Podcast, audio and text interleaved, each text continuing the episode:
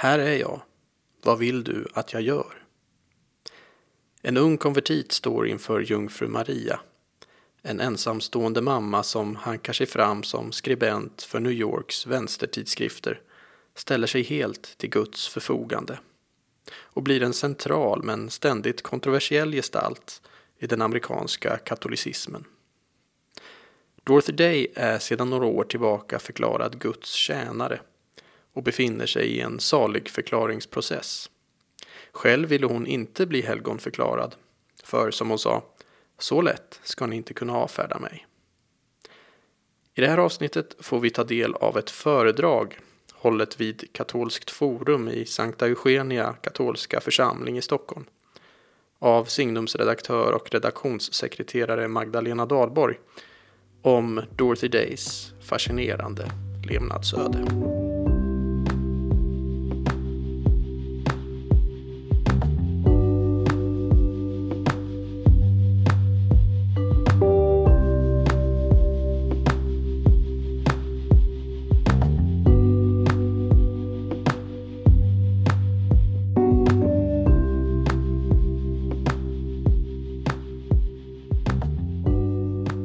När påven Franciscus som första påve någonsin talade till den amerikanska kongressen 2015, alltså USAs kongress, Amerika är ju betydligt mer än USA, det glömmer man ibland. Då lyfte han som framstående USA-amerikaner fram fyra personer. Abraham Lincoln, Martin Luther King, Thomas Merton och Dorothy Day. Och det har beskrivits hur det blev ett lite förvånat mummel bland de som var utanför och lyssnade på det här. Ett, en del jublade, de som kände till henne. Andra undrade, vem är den där Dorothy Day? För hon är, som Pater Dominic sa, något av en doldis. Många har hört hennes namn kanske, men kanske inte riktigt kan placera henne, vet inte så mycket om henne egentligen. Hon är kanske framförallt känd som pacifist, fredsaktivist, men det är mindre känt att hon också var katolik. Och det är mindre känt om tiden innan hon började engagera sig ordentligt i fredsfrågorna. Hon är en av den amerikanska katolicismens kanske allra mest fascinerande och omstridda, älskade och skavande gestalter idag, om man vet mer om henne. Och hon började som socialist med sympatier för kommunismen. Hon satt fängslad efter demonstrationer för kvinnlig rösträtt. Och hon kritiserade konstant det faktum att socialisterna och kommunisterna var betydligt bättre än kyrkans företrädare, särskilt hierarkin, på att tjäna de fattiga och mest utsatta. Det finns väldigt mycket skrivet om, men framförallt av, Dorothy Day. Om man går in på Catholic Workers hemsida så kan man läsa många, många, många artiklar som hon har skrivit genom åren. Väldigt mycket finns tillgängligt, flera av hennes böcker finns utlagda där också i sin helhet. Även American Magazine och Commonweal som hon skrev mycket för har hennes artiklar i sina arkiv. Men jag vet inte hur tillgängliga de är. Eh, hon har skrivit självbiografiskt själv.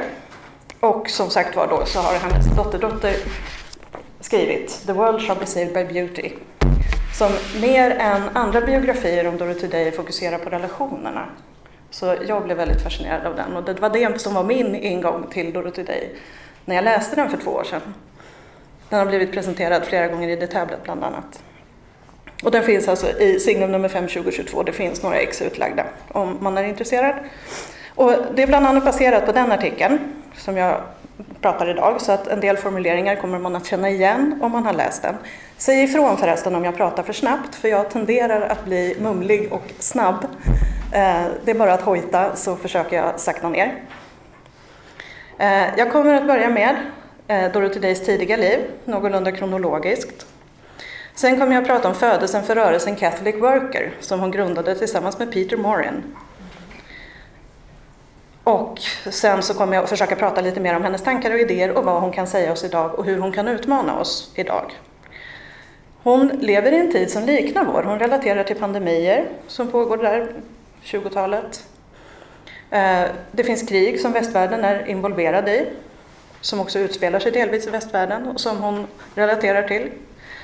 Hon ser växande ekonomiska orättvisor med någon sorts kulmen kanske vid den amerikanska depressionen på 30-talet. Och hon ser och beskriver och deltar i framväxten av revolutionära och radikala rörelser. Samtidigt så har hon ett tydligt budskap till kyrkan idag. Om den nu är riktigt så splittrad som det ibland framstår i medier och kanske särskilt amerikansk media och på Facebook. Hon gifter nämligen samman liturgi och socialt engagemang väldigt, väldigt tydligt. Eukaristin är i centrum. Tidigare rosenkrans, ständig bön, är viktigt för henne. Det är där hon hämtar kraft, det är där hon hittar lugn, stabilitet och stadga. Och bland annat i en dokumentär som kom 2020 så beskriver filosofen Cornel West, en sån här kändisfilosof, eh, beskriver hur Dorothy Day i eukaristin, när hon tar emot Kristi mystiska blod, möter minnet av blodet hos alla de som är skapade till Guds avbild. För henne är det en radikal uppmaning att tjäna var och en. Hon föddes i New York 8 december 1897. 8 november 1897. Hennes pappa hette John Day, hennes mamma hette Grace Setterly Day. Hon hade två äldre bröder, Donald och Sam. Några år senare kom systern Della och sen föddes lillebror John. Fadern John Day var sportjournalist, eh, skrev framförallt om hästkapplöpningar. Och familjen flyttade till Kalifornien där han fick anställning, när Dorothy var ganska liten. Sen inträffade den stora jordbävningen i San Francisco 1906. Eh, bland annat så rasade huset där faderns jobb fanns. Och Dorothy typ bar med sig hela livet vad som hände vid den här katastrofen. Hur människor verkligen aktivt gick ut och hjälpte varandra. Och vad den här samhällsgemenskapen som inte har med myndigheter och samhällsstrukturer att göra utan gemenskap i grannskap, hur det är nödvändigt när katastrofen inträffar. Så hon bar med sig hur alla hjälpte varandra i spåren av jordbävningen. Efter det så flyttade familjen till Chicago, så det är där hon är uppvuxen. Och om man läser Kate Hennessy så verkar barndomen ha varit, haft en del mörka stråk. Hennes pappa spelade en hel del, så att familjens ekonomi var inte bara beroende av hans lön utan också av hur det gick med hans spelande. Och han verkar också ha periodvis druckit en del. Men läser man Dorothy själv så är det en väldigt, väldigt ljus barndomsskildring. Det verkar ha varit ett hem som ändå innehöll väldigt mycket kärlek. Och det var en ganska typisk amerikansk medelklassuppväxt på många sätt. Så det återvände hon till senare, att hon var privilegierad. Hon visste att hon var det. Hon hade väldigt tidigt ett intresse för kristen tro. Några kvarter ner längs med gatan fanns en familj som var metodister och dit gick hon och lärde sig att be tidigärd och läsa Saltaren. Den egna familjen var inte särskilt aktivt troende och pappan var nog uttalad ateist. Men hennes bröder började sjunga i kyrkokör i en episkopal församling i närheten och då började Dorothy gå i kyrkan varje söndag. Och hon döptes episkopalt 1911. Hon läste väldigt mycket och första året efter att lillebror John föddes var hennes mamma ganska sjuk och Dorothy fick gå in och ta hand om den här bebisen väldigt mycket, vilket innebar en del tidiga morgnar som sen brodern somnade om och då passade hon på att lära sig latin och grekiska och läsa latin och grekiska, alltså latinska och grekiska texter i original. Eh, I övre tonåren fick hon ett stipendium och började läsa på universitetet i Illinois. Men hon hoppade av efter två år och flyttade tillbaka till New York. För dit hade familjen nu återvänt och hon längtade tillbaka till sin familj. I New York deklarerade hon att hon tänkte arbeta som journalist. Och då sa hennes pappa att i så fall så kan du hitta någon annanstans att bo. Han tyckte inte att dottern skulle gå i hans fotspår. Och han sände bud till sina redaktörskollegor och journalistkollegor i New York och talade om att de inte skulle ge henne jobb. Vilket innebar att hon eh, hittade rum i de fattigare delarna av New York. Där människor helt enkelt var tvungna att hyra ut det extra rum de eventuellt hade till studenter och andra som behövde hitta någonstans att bo. Och hon hamnade på de socialistiska och kommunistiska tidningarna som hennes pappa då inte hade haft kontakt med. Så hon arbetade på tidskrifter som The Liberator, The Masses och The Call. Och hon bevakade barnarbete, strejker, bränder, svält, vräkningar i slummen, hungerkravaller, demonstrationer mot kriget. Och hon deltog i socialistiska och syndikalistiska möten och hoppade in som strejkvakt när det behövdes lite extra folk. På nattli sina nattliga promenader så plockade hon hem de hemlösa som hon mötte. Och gav dem mat och någonstans att sova. Pratade med dem. Hon utvecklade under den här tiden en stark kärlek till Ryssland och rysk litteratur. Hon intervjuade Trotskij. Hon skriver genom hela sitt liv ganska mycket om Lenin. Det kan vara svårt att relatera till idag. Eh, hon kritiserar också. Men eh, det är ett sånt där stråk som finns när man läser hennes artiklar som man kan rygga tillbaka lite av. Men framförallt så läste hon Fjodor Dostojevskij och hon läste Leo Tolstoj. Och Leo Tolstojs självvalda fattigdom och kristna anarkism tilltalade henne enormt. Bara några dagar efter att hon hade fyllt 20 så hamnade hon, lite misstag nästan, hon blev ombedd att hoppa in för det saknades folk i en suffragettdemonstration och sa att ja, ja, det kan jag väl göra. Eh, hon hamnade ganska långt fram i den och slog tillbaka mot de sjömän som försökte upplösa den här demonstrationen. Vilket innebar att hon tillsammans med ett antal andra kvinnor dömdes till en månads fängelse i arbetslägret Occoquan, som var ökänt på den här tiden. Eh, där blev hon misshandlad så svårt att man trodde att hon hade brutit ryggen. Och hon och de andra kvinnorna inledde en hungerstrejk för att väcka uppmärksamhet eh, kring Eh, behandlingen av de fängslade kvinnorna, politiska fångar. Hon var en av de som höll ut allra, allra längst med den här hungerstrejken. Hon bad om, och fick så småningom, en bibel och beskriver hur hon i fängelset läste saltaren och bad och grät. Men samtidigt så hade hon en ganska komplicerad relation till sin tro, sådär som man kan ha i övre tonåren, 20-årsåldern. Hon brottades mycket med eh, sin kristna tro och försökte hålla emot den. I New York så umgicks hon med skribenter, sådana namn. Om, när man läser om Dorothy Day så kan det vara bra att ha Wikipedia uppe samtidigt. För man vill hela tiden kolla namnen, för att hon umgicks, hon träffade i princip alla. Och bland annat så lärde hon känna dramatikern Eugene O'Neill.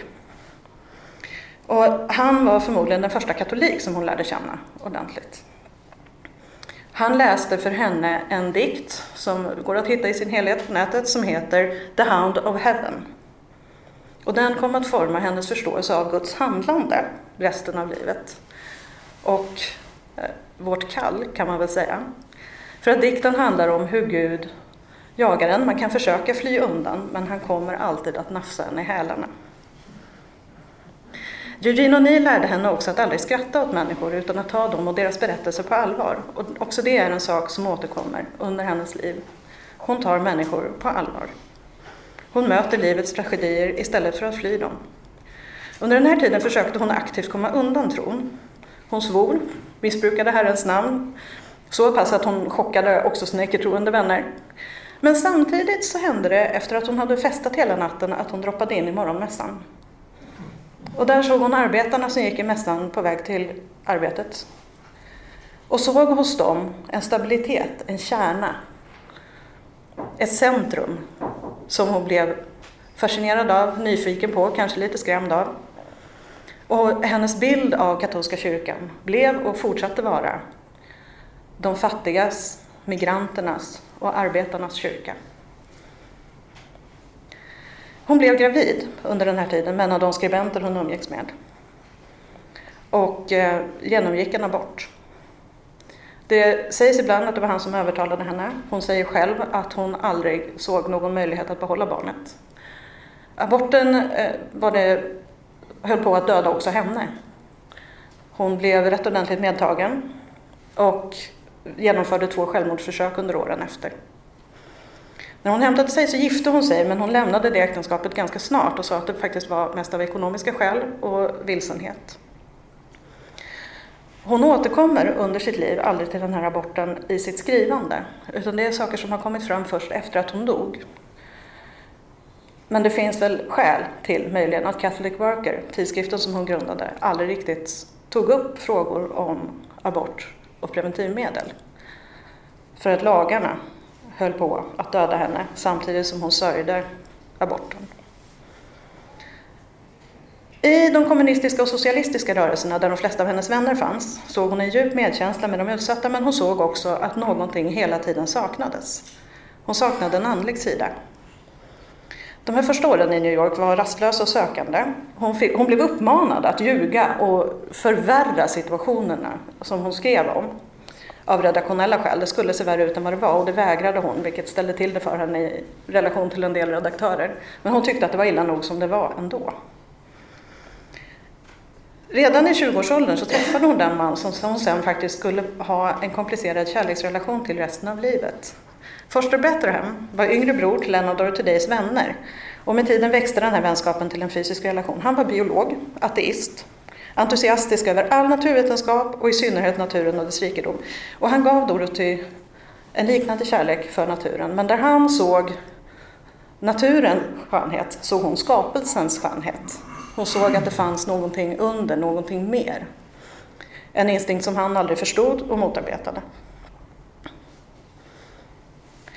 Men han ger henne också artnamn. När man läser henne så är det någonting alldeles särskilt med hennes naturbeskrivningar för hon har namn på precis allting som hon beskriver. Så det är inte fåglar som sjunger i träden i trädgården utan hon nämner verkligen alla arter. Hon nämner precis vilka grönsakssorter och blommor som plockas in till sallader och liknande. Så man får otroligt mycket detaljrikedom just av naturen när man läser henne. Eh, romanen The Eleventh Virgin lyckades hon sälja eh, filmrättigheterna till. Hon tog avstånd från romanen senare, men för pengarna som hon fick för filmrättigheterna lyckades hon köpa en stuga på Staten Island. Där bor hon nu med Forster. De går på stranden och samlar strandfynd, de samlar musslor, de plockfyller hela stugan med musslor och fiskskelett och annat som de hittar. Och 1925 blir hon gravid igen, vilket hon ser som ett stort mirakel, för hon trodde att aborten hade gjort henne steril. Och hon längtade verkligen efter barn, familjeliv och äktenskap. Forster, å sin sida, menade att äktenskapet gav människor kontroll över varandra som de inte borde ha. Han menade dessutom att han, som skydde allt ansvarstagande, som inte ville bli beroende och inte ville att någon annan skulle vara beroende av honom, eh, han skulle absolut inte bli pappa. Och i grunden hade han en ganska mörk förståelse av världen, färgad av kriget. Men dottern Tamar Teresa föddes i mars 1926 och för Dorothy Day var det självklart, av skäl som hon förmodligen inte riktigt visste själv i det läget, Eh, var det självklart att dottern skulle döpas katolskt.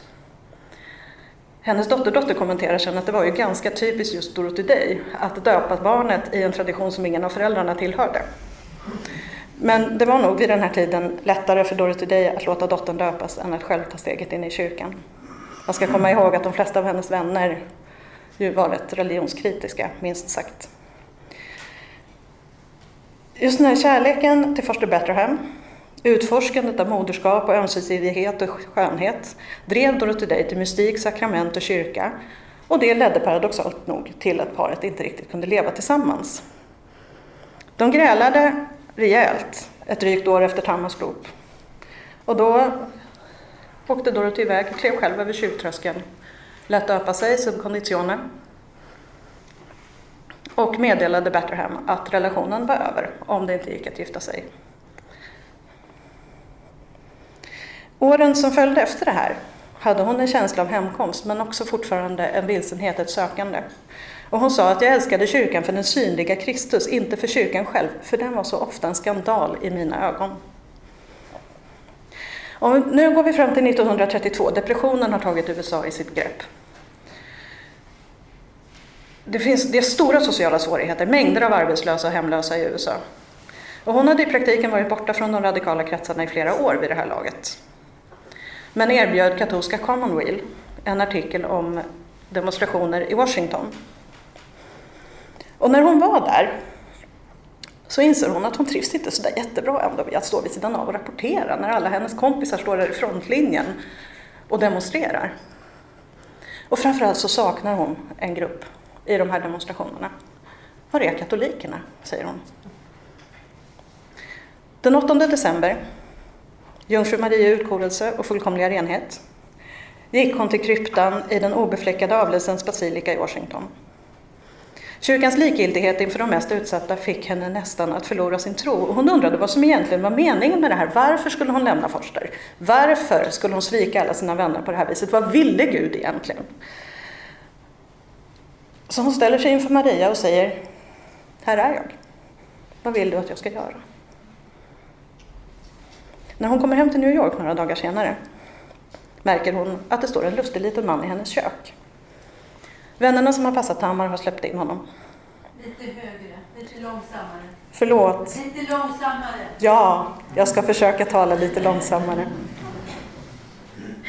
När hon kom hem till New York stod en lustig liten man i hennes kök. Hennes vänner som hade passat Tamar hade släppt in honom. Dorothy beskriver själv hur hon kom hem dödstrött efter demonstrationer och resa och ville bara ha en kopp kaffe i lugn och ro.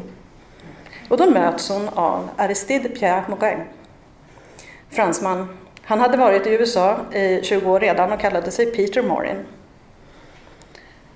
Och han pratade oavbrutet. Under dagarna som följde gick hon och städade och plockade sådär som man gör när man har kommit hem från en resa. Hon försökte kanske jobba lite och han gick efter henne och föreläste om socialläran, om personalismen, om Thomas av Aquino, om Augustinus, om ansvarstagande. Och till slut så insåg hon att det här var nog bönhörelsen. Det här är det jag ska göra. För med Peter Morins ankomst tog Dorothy Days liv en helt ny vändning. Han visade henne kyrkans sociala undervisning och hon kunde på ett helt nytt sätt grunda sin strävan efter att leva med de fattiga, inte främst i de inomvärldsliga rörelserna, även om hon hela tiden fortsatte att visa uppskattning för vad socialisterna gjorde, utan i sin tro och i kyrkans tradition. Morin predikade fattigdom och hade en vision om ett samhälle där strukturerna och kulturen gör det lätt att handla gott. Studera historien, manade han henne, för att så kunna leva i nuet att framtiden blir annorlunda. Han ville vrida människorna från, från att prata om vad de ska göra till vad vi ska göra. Vi är en gemenskap, de är en hop. Var vad du vill att den andre ska vara, sa han.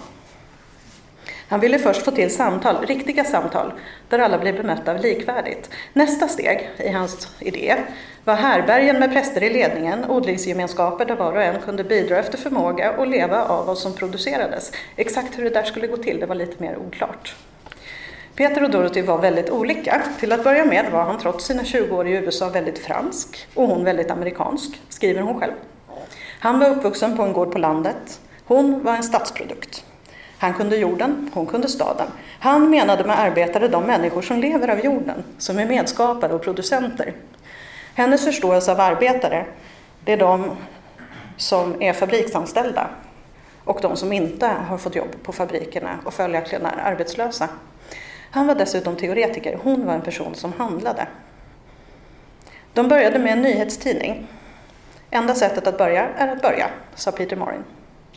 Praktikern Dorothy påpekade att de varken hade pengar eller kontor. Och Peter svarade, i helgonens liv kommer kapital genom bön. Gud ger dig vad du behöver när du behöver det. Du kommer att kunna betala för trycket. Bara läs om helgonen. Så Dorothy tog de pengarna som skulle ha använts till hyran och eh, vänner och bekanta lånade ut eller donerade och Pollys Press tryckte 2500 exemplar av det första numret av Catholic Worker för 57 dollar. Det första numret kom 1 maj 1933 när depressionen var som allra värst. Och folk trodde att Dorothy försökte lura dem, för inte har väl kyrkan ett program om social välfärd? Inte så långt senare hade upplagan vuxit rätt enormt och folk rapporterade att de hittade tidningsex i gruvor, i hotellsängar, eh, som omslagspapper på lagade skor och lite överallt. Tidningen delades ut av entusiastiska volontärer och medarbetarna tog förstås så lite ersättning som möjligt. Man levde fattigt och ur hand i mun. När de hade varit igång med tidningen ett tag så kom det en ung kvinna in på expeditionen med bara en kasse kläder. Och hon sa, jag har förstått att ni driver ett gästhus. Nej, sa Dorothy, vi bara skriver om det.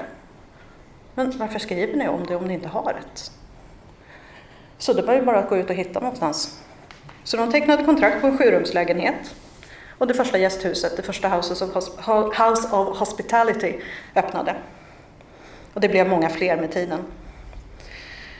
Dorothy Day dog den 29 november 1980 efter att ha tvingats till ett väldigt stilla liv på slutet. När hon dog fanns det ett 30-tal Catholic Worker-hus, men idag är antalet över 200. Och det finns anslutna gårdar över hela världen. Bland annat finns det två stycken kommuniteter i Sverige som är anslutna. De är inte katolska, det är en som har en ekumeniakyrka-prägel. kan man säga. Den andra är mer svenskkyrklig prägel, båda är ekumeniska. Det finns en i Umeå och en i Göteborg som jag har hittat.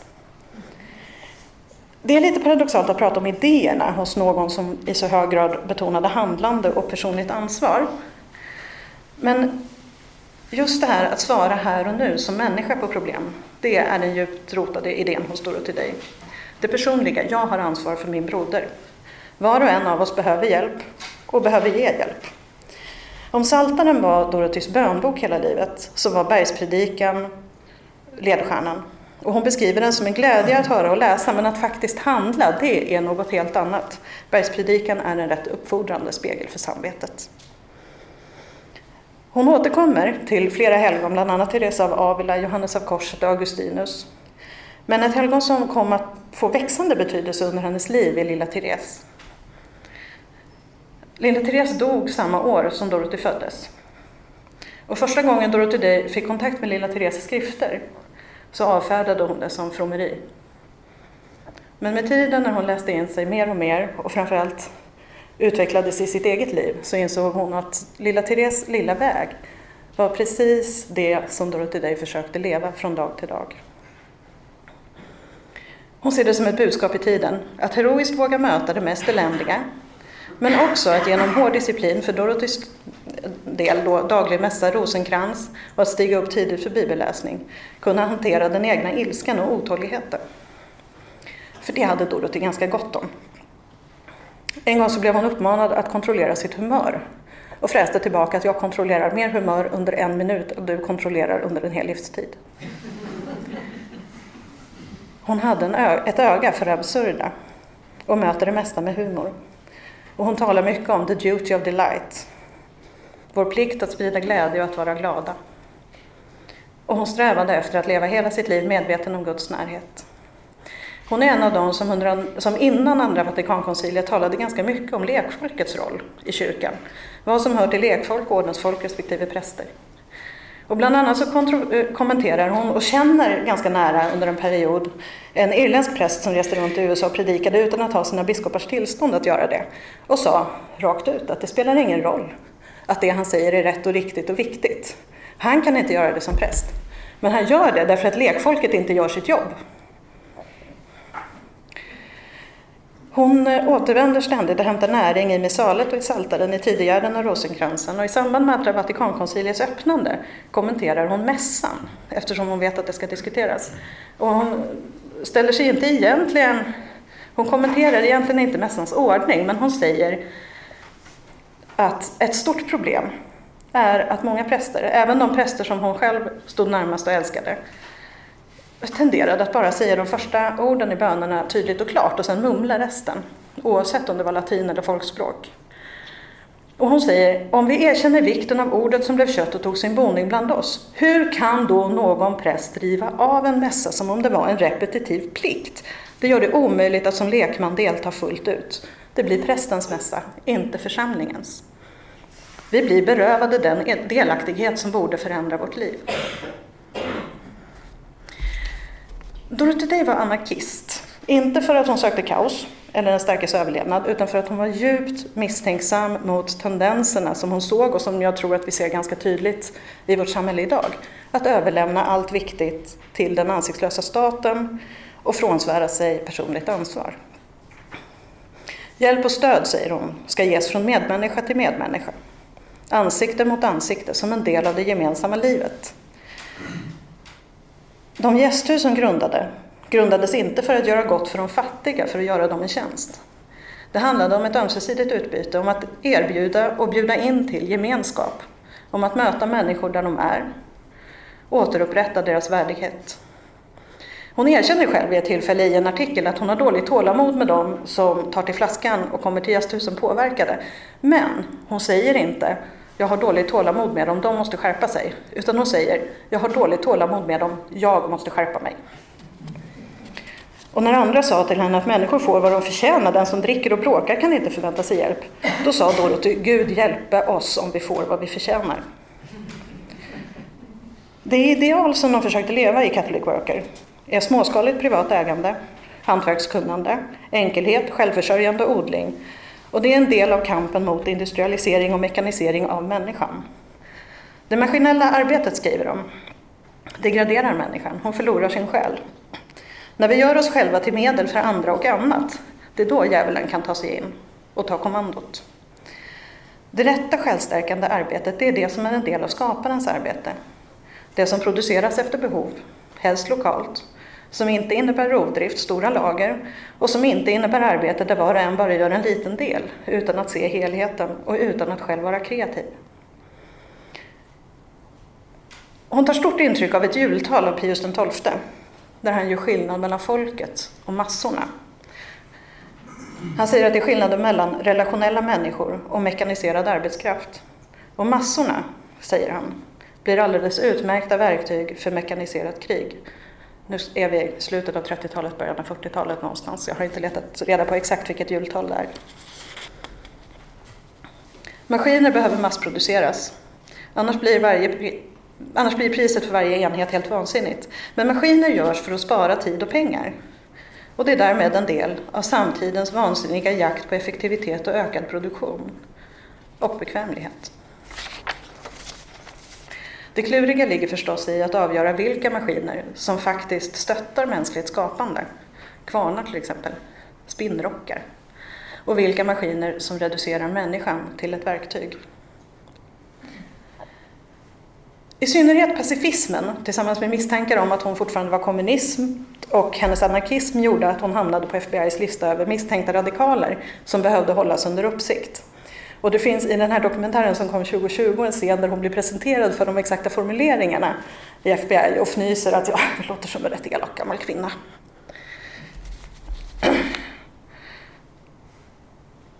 I kyrkan var hon ofta i motposition till sin egen biskop i New York, även om hon hade en del andra av USAs biskopar med sig. Men hon är aldrig öppet olydig egentligen, även om det ibland är lite på gränsen. Bland annat så Eh, säger han åt henne att stryka Catholic i Catholic Worker vid något tillfälle. Och hon säger att jag kan eh, sluta med det här, men då lämnar jag med varm hand över de 500 personer som är beroende av mig för närvarande. Och kyrkans relation till frågor om krig och fred, det var väl det som framförallt låg bakom eh, när hon blev motarbetad av hierarkin. Det var en ständig fråga för Dorothy, förmodligen för att den också splittrade den amerikanska kyrkan och kanske hela det amerikanska samhället. I augusti 1961 sa Thomas Merton till Dorothy Day varför den här fruktansvärda tystnaden från katolikerna, från präster, hierarki och lekfolk, om detta fruktansvärda som hela mänsklighetens fortsatta existens hänger på? Det rörde förstås massförstörelsevapnen. Och Dorothy Day reste till Andra Vatikankonciliet under det sista året för att påverka så att kritik mot massförstörelsevapnen skulle bli en del av konciliets resultat. Hon och ett antal andra kvinnor stod utanför. De fastade och reciterade saligprisningarna och den fredsbön som tillskrivs Franciscus. Två månader senare kom Gaudium et Spes med ganska skarp kritik mot massförstörelsevapen Eh, och stöd för samvetsvägran för militärtjänst. Hon hade ju då som sagt var inte nödvändigtvis de amerikanska eller USAs biskopar med sig. Men 1980 så kom ett pastoralt, 1982 kanske, kom ett pastoralt brev från eh, USAs biskopskonferens där man hade tagit till sig en hel del av hennes idéer. Jag skulle vilja avsluta med en artikelserie i The Tablet som började i somras. I nio punkter ger Kate Hennessy ledstjärnor, utmaningar kan man väl säga. De kallar det för en novena. Nio stycken meningar, uppmaningar från Dorothy till oss. Det första är gör dig själv obekväm. Det handlar både om att själv vara obekväm och att göra andra obekväma. Dit hör också att göra sånt som kan verka idiotiskt, som att under brinnande krig stå och vifta med pamfletter med fredsbudskap. Tillbringa några dagar i fängelse för protester. Att göra sig obekväm handlar också om att välja bort sånt som vi inte måste ha. sånt som är bekvämligheter snarare än grundläggande behov. Att inte alltid jaga tid och pengar utan låta arbetet ta tid och kraft. Och hon gör kanske oss lite obekväma. Om hon som ensamstående mamma kunde göra det hon gjorde, varför kan inte du och jag? Med helt andra resurser i de flesta fall. Det andra är följ ditt samvete, även när alla runt omkring säger att du har fel. Så länge du vet att ditt samvete är rotat i evangeliet, säger Dorothy, kan du agera med tillit till att saker ordnar sig. Det lyser igenom i hennes handlande. Hon litar på att gör hon rätt så kommer det att gå bra. Skulle hon ändå mot förmodan ha fel så kommer det att visa sig. Samvetet behöver inte bara skolas utan också övas. Om vi vänjer oss vid att överlämna ansvarstagande till andra, viktiga beslut, handlingar, agerande mot nästan, då kommer samvetet till slut inte att fungera särskilt väl. Till att följa sitt samvete hör också att veta när det innebär att man bryter mot regler och att ta konsekvenserna av det. Till exempel så brukade Dorothy Day innan demonstrationer ringa till polisen och tala om var de tänkte vara, när de tänkte vara där, vad de tänkte göra. Så att de kunde komma och arrestera dem. Det blev naturligtvis också ett sätt att få uppmärksamhet, men också ett sätt att ta konsekvenserna av sina ställningstaganden. Finn ditt kall, säger Dorothy. Du kommer att veta att du har funnit ditt kall genom den glädje det ger dig. Det är genom vårt arbete i vid bemärkelse, det mänskliga skapandet och förvaltandet, som vi lever i världen. Och när vi har funnit det kallet, då är det någonting som genomsyrar hela livet. Inte alla finner det. I en del fall finns det hinder på vägen. Och kallet kan också bli en stor utmaning för nära relationer. Och någonstans måste man kanske också reflektera över vilka offer man kan kräva av närstående som påverkas. Men därmed så påminner kallet också om gapet mellan vad som borde göras och vad vi faktiskt kan göra.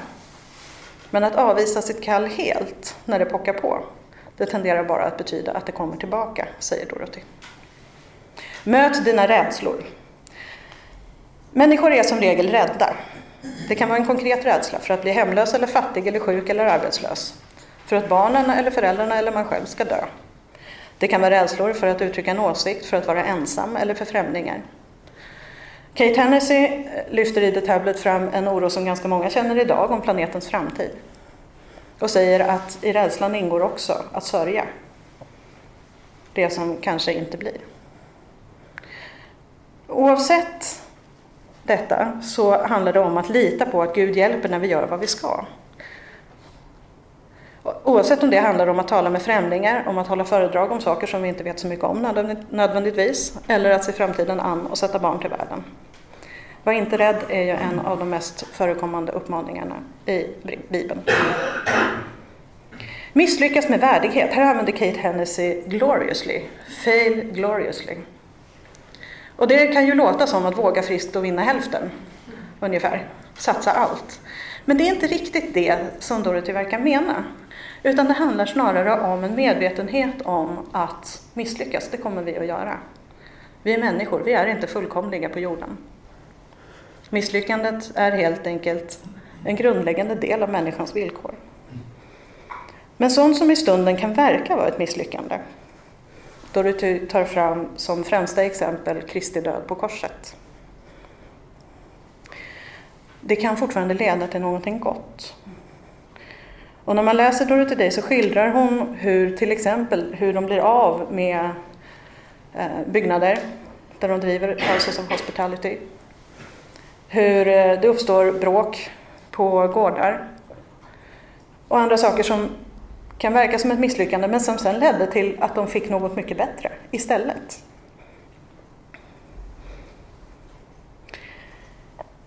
Idag är det ganska litet utrymme för misslyckanden kan det verka som ibland. Särskilt om man rör sig på sociala medier så tenderar missar, ord som man slarvat lite med, det kan komma tillbaka och bita flera år senare.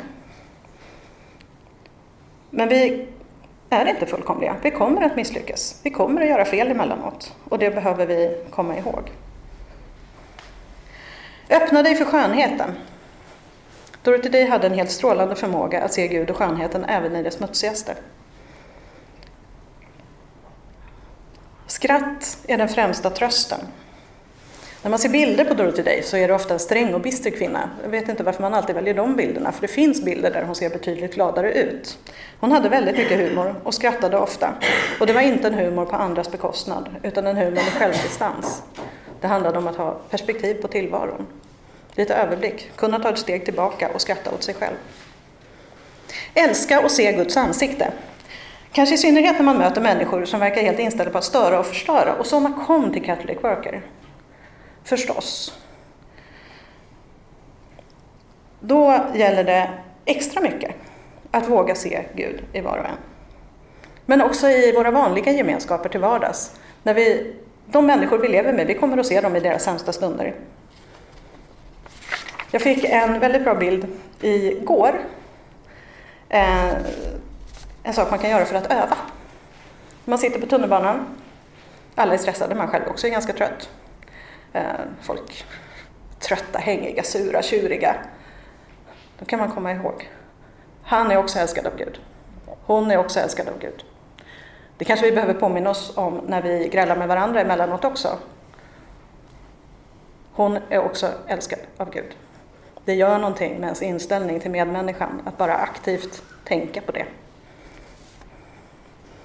Låt bönen flöda över på alla sätt du kan. I synnerhet under sina sista år konstaterade Dorothy Day att det var bönen som höll henne uppe.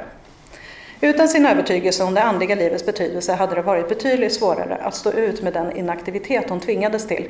Det har kanske, förhoppningsvis har det framkommit att hon var en människa som rörde sig mycket och som handlade hela tiden. Hon hade väldigt svårt med att i princip bli sängbunden på slutet. Och hon sa, nu är bönen mitt arbete, jag är som en bönekvarn. Men bön är då många saker hon vänder sig emot när bön reduceras till ord.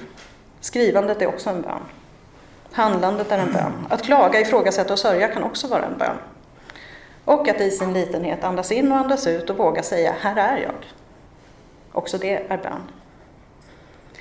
Det kanske huvudsakliga ledordet som inte finns med i hennes genomgång är det personliga ansvaret. Dorothy skrev om gästfrihet och fick ta konsekvenserna av det när människor dök upp på hennes tröskel och förväntade sig gästfrihet. Men hon såg också att Catholic Worker hade läsare som principiellt höll med om det de läste. Men som sen blev förbannade eller ledsna eller allmänt vilsna när de insåg att det här medhållet faktiskt fick konsekvenser. Eller åtminstone borde få. För den som helhjärtat håller med om pacifistiska grundidéer kanske inte kan jobba kvar på stålverket. Man kanske inte längre kan arbeta inom klädindustrin om fabriken får ordrar på soldaters kläder. Så det är ju inte alldeles lätt, även om det låter väldigt lätt. Gör det som ska göras, där du är, när du är.